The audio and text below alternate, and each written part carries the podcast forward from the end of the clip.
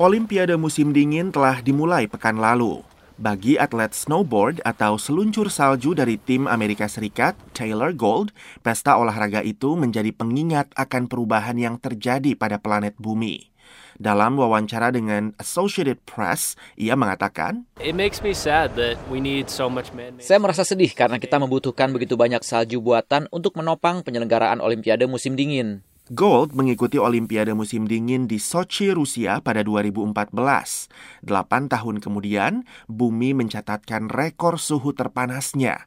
Menurut sejumlah laporan terbaru yang disusun masing-masing oleh NASA dan NOAA, Badan Kelautan dan Atmosfer Nasional. The biggest threat Ancaman terbesar yang dihadapi daerah-daerah pegunungan dingin itu adalah menghangatnya iklim. Demikian kata Tessa Gard, kandidat doktor dari Universitas Colorado Boulder kepada AP. Ia melacak seperti apa kondisi kota-kota penyelenggara Olimpiade musim dingin sebelumnya.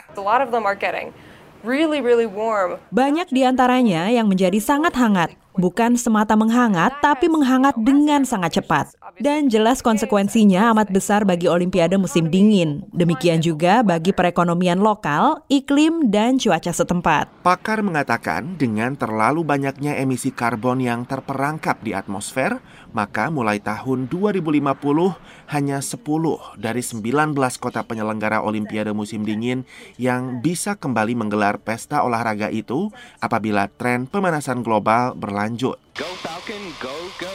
Dalam perkembangan lainnya, televisi pemerintah Tiongkok merilis sebuah video yang tidak dapat diverifikasi VOA secara independen yang menunjukkan astronot Tiongkok Wang Yaping mengadakan separuh eksperimen kimia, separuh pertunjukan seni di stasiun luar angkasa Tiangong. Yaping, kata pemerintah Tiongkok, mencampurkan zat-zat kimia di luar angkasa untuk menciptakan simbol cincin olimpiade yang ikonik. Sementara itu, pada pekan lalu, perusahaan penerbangan antariksa swasta SpaceX meluncurkan sepasang satelit. Salah satunya membawa satelit mata-mata Amerika bernama US National Reconnaissance Office. Penayangan peluncuran satelit dihentikan sebelum bagian yang bersifat rahasia dari misi tersebut dilakukan.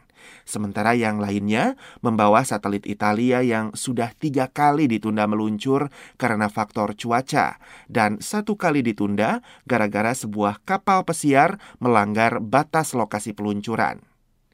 Yang terakhir, pekan lalu, sejumlah astronom Australia menemukan sebuah benda berdenyut yang terang di galaksi Bima Sakti, sekitar 4000 tahun cahaya dari bumi. Mereka menemukan bahwa pada tahun 2018, benda itu memancarkan gelombang energi yang kuat setiap 18 menit sekali. Para astronom belum mengatakan benda apa itu. Namun, mereka mencoret kemungkinan benda itu sebagai bentuk kehidupan alien. Rifan Dwi Astono, VOA, Washington.